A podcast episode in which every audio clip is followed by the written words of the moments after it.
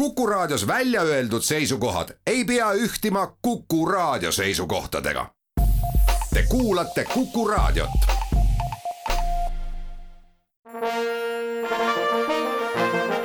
Vanemuise veerand.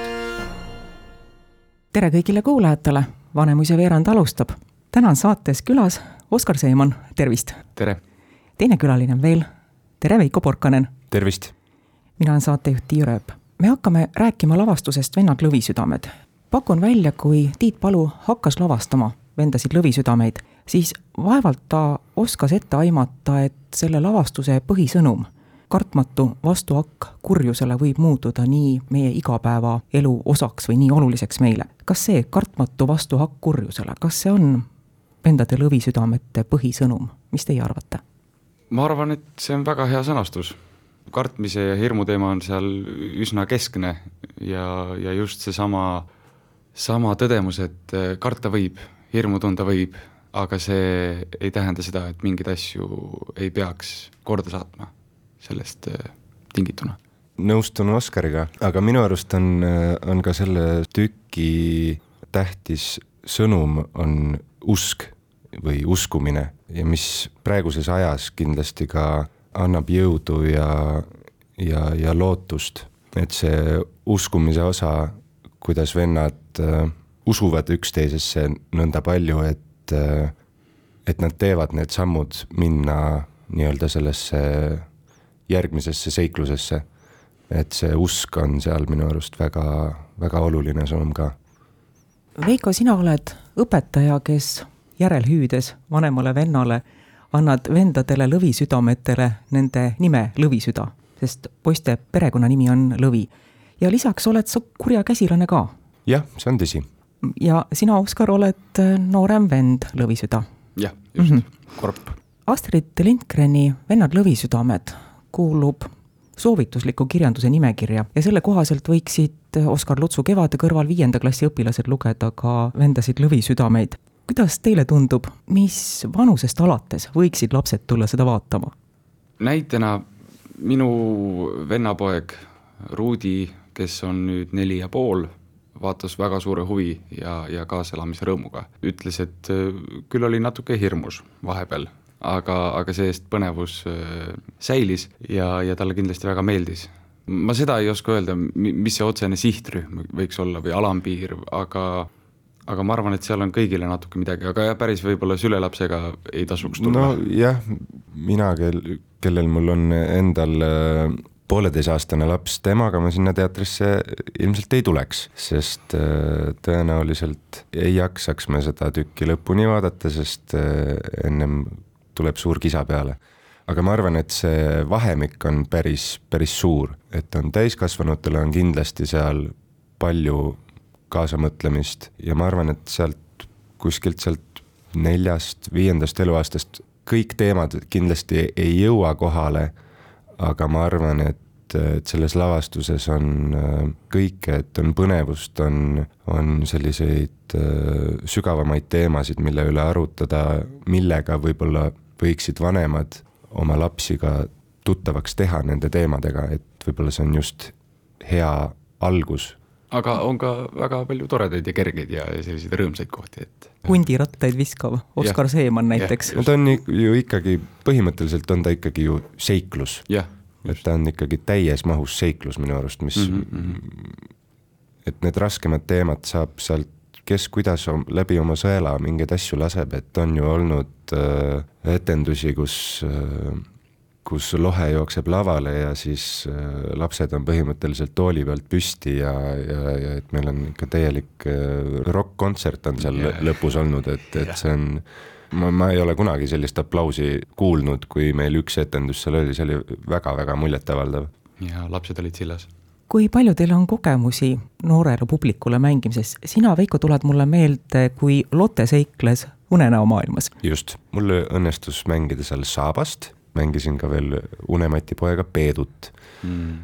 ja see lavastus käib siiamaani minuga kaasas, ma ikka õhtuti noh, ma olen väga tänulik, et ma seda Unemati poja rolli sain äh, mängida, et mul on siiamaani peas see Unemati unelaul, mida ma õhtuti oma pojale laulan, nii et äh, see on väga kasulik projekt olnud mul Vanemuise teatris veel lastelavastuses ei ole õnnestunud kaasa teha, aga, aga kunagi äh, siis, kui veel Pärnus oli veel elamist olemist, siis äh, õppisin Oleg Titovi lavastatud Peeter Paani sisse ühte mereröövli rolli ja see oli ka väga mm, äge, tore tegemine, et sain ka seal Bernhardini mängida. küll vist mitte nii hästi kui Karlet Kardambi, aga siiski oli see, oli see väga tore Oskar, sinu tegelane Vendades lõvisüdametes teeb läbi suure arengu. alguses oled sa põdur laps, õnnetu ja kurvameelne, sealt edasi oled sa elurõõmust pakatav ja siis asjaolude sunnil saad sa täiskasvanuks, kes tahab olla inimene, aga mitte mingi pisikene rämps. väike rämps. väike rämps, näed, unustasin. millist osa nendest sulle endale kõige rohkem meeldib mängida? saalis istudes tundub see rõõmsa, ülevoolavalt rõõmsa perioodi mängimine sulle kõige rohkem lusti pakkuvat? jaa, see on üks toredamaid hetki, aga ma arvan, et kõige põnevam on endal mängida võib-olla just seda perioodi, kus ta kasvab väga jõudsalt suuremaks, ise sellest mitte võib-olla nii hästi aru saades. et see on võib-olla see koht, kui sealt kibuvitsaorust Äh, minnakse päästma Orvarit, kus olude sunnil peab tegelema ja, ja peitma ja põgenema nii, kuis, kuis vähegi saab. et sellel hetkel, kui, kui see vägitegu on tehtud ja on see vabadusvõitleja hetk, siis ma arvan, et see periood on, on üks ägedamaid. no lisaks on seal ka lavalised ja lavatehniliselt väga ägedaid kohti ja hetki, aga seal on, on tore see, et, et ta enam võib-olla ei küsi endalt nii palju, et miks peab midagi tegema või et see põhilause, et, et miks peab tegelema ohtlike asjadega, muidu sa ei ole kellegi inimene, vaid lihtsalt väike rämps. see ei ole miski, mida ta peab võib-olla nii palju endale kordama. et asjad tulevad juba loomulikult ja, ja endalegi üllatuseks õnnestuvad. Veiko, kuidas sul on, mis kohta sul meeldib kõige rohkem mängida? minule meeldib mängida kõige rohkem Kuldkika kõrtsistseeni ma arvan, et see on nagu see minu, selle tüki minu kõige lõbusam hetk mm. -hmm kuigi seda on väga lühidalt, aga minu arust on see, on see sellisest rõõmust pakatav stseenikene ja neid on alati tore mängida, aga noh, ongi väga raske, need ongi sellised kaks äärmust, ma lisaks õpetajale ja pahale kurjamile mängin veel siis ka seda täpselt seal Kuldkika stseenis Sebastianit, kes on selline sõnatu roll, aga siiski kõigile rõõmu pakkuv, ma loodan. aga just selle kurjuse osa pealt, et et äh, selle tüki mängimise ajal ma olen järjest rohkem aru saanud, et, et seda ei saa ka nüüd nii äh, ühe joonega mängida, et alati on sellel kurjusel ju mingid omad põhjused, miks selleni on jõutud. ja ma üritan ikkagi oma vederit seal natukene empaatilisemaks teha, kuigi selleks ei ole väga palju aega, aga aga vähemasti ma loodan, et äh, keegi mõistab me teeme jutuajamisse Veiko Porkaneni ja Oskar Seemaniga pisikese pausi. Vanemuise veerand. Vanemuise veerand jätkub. täna on saates külas kaks lavastuse Vennad lõvisüdamed näitlejat, Oskar Seeman ja Veiko Porkanen. mina olen saatejuht Tiia Rööp. Veiko, see küsimus tuleb nüüd pigem sulle. Oskar võib täiendada, aga ma pöördun sinu poole mm. -hmm. vaadates Kaarel Pogat ja Oskar Seemanit laval vendi mängimas, siis nad on väga usutavalt vennad. kas sinul kui teisel näitlejal on Oskarit ja Kaarlit kõrvalt vaadates sama tunne, et nad on päriselt vennad? vanem vend ja noorem vend, teineteist toetamas? ei, selles mõttes ma arvan, et see nii on, mul endal ei ole kahjuks seda kogemust, mul on, endal on õde, nii et äh, ma seda vendade suhet nüüd nii täpselt ei oska hinnata, aga see, mis mulle kõrvalt paistab, kuidas Oskar ja Kaarel mängivad, see on, see on väga muljetavaldav jah, ma arvan, et see side on seal, on väga tugev. ma lihtsalt mäletan, kui me ise tulime lavakunstikoolist Vanemuise teatrisse, seitse trumpi, nagu meid siin nimetati alguses, siis siis lihtsalt see side, mis meil kursavendadega tekkis äh, Markus Dünjaninovi ja, ja Reimo Sagoriga, et ma arvan, et see on midagi sarnast, selline väga intensiivne periood, kus kõigil on äh, tohutu tahe teha teatrit, anda endast maksimum, sinna ei ole veel kõrvale tekkinud selliseid muid tegureid, millega sa peaksid elus veel tegelema, nagu, nagu pere ja, ja niisama pangalaen. pangalaen ja muud asjad, et siis on aega rohkem, rohkem panustada, mitte et ma ma ei taha nüüd jätta muljet, et ma nüüd ise ei panustaks enam kuidagi, et ma panustan väga palju, aga see aeg on, on väga eriline, et see vendlus on, mul on tunne, et see on, on igavene. jah, aitäh, kui ka kolleegidele kõrvalt see usutavana paistab.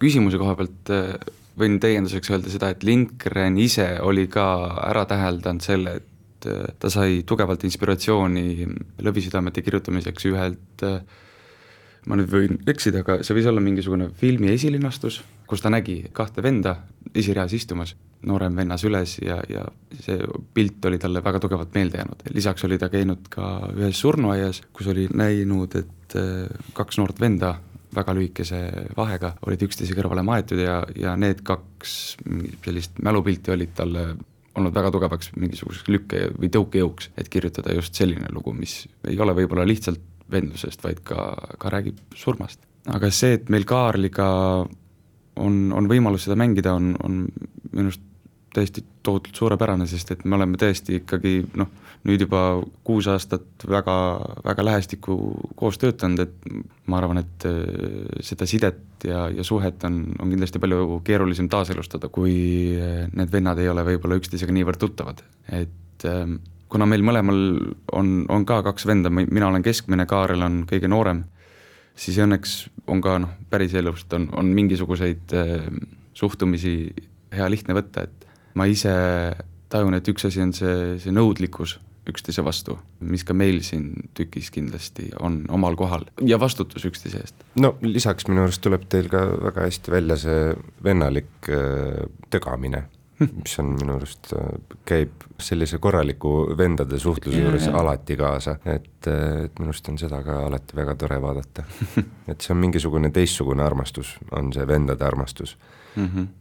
Kas selles lavastuses on mõnda kohta, mida te tõstaksite esile kui loo arengu suhtes kõige olulisemat? Või kas just kõige olulisemat, aga, aga tähtsamad kui mõned teised kohad, ütleme siis nii? vastuseks on vaikus. No sisuliselt ja dramaturgiliselt on see üks tähtsamaid sündmuseid nii Korbi kui ka Joonatani jaoks, aga see on võib-olla selle Õnnesümfoonia lõpp, kui Korbile antakse mõista, mis tegelikult toimub, mis olukorras on kibuvitsaorg ja ta jäetakse jälle üksi oma hirmude ja mõtetega.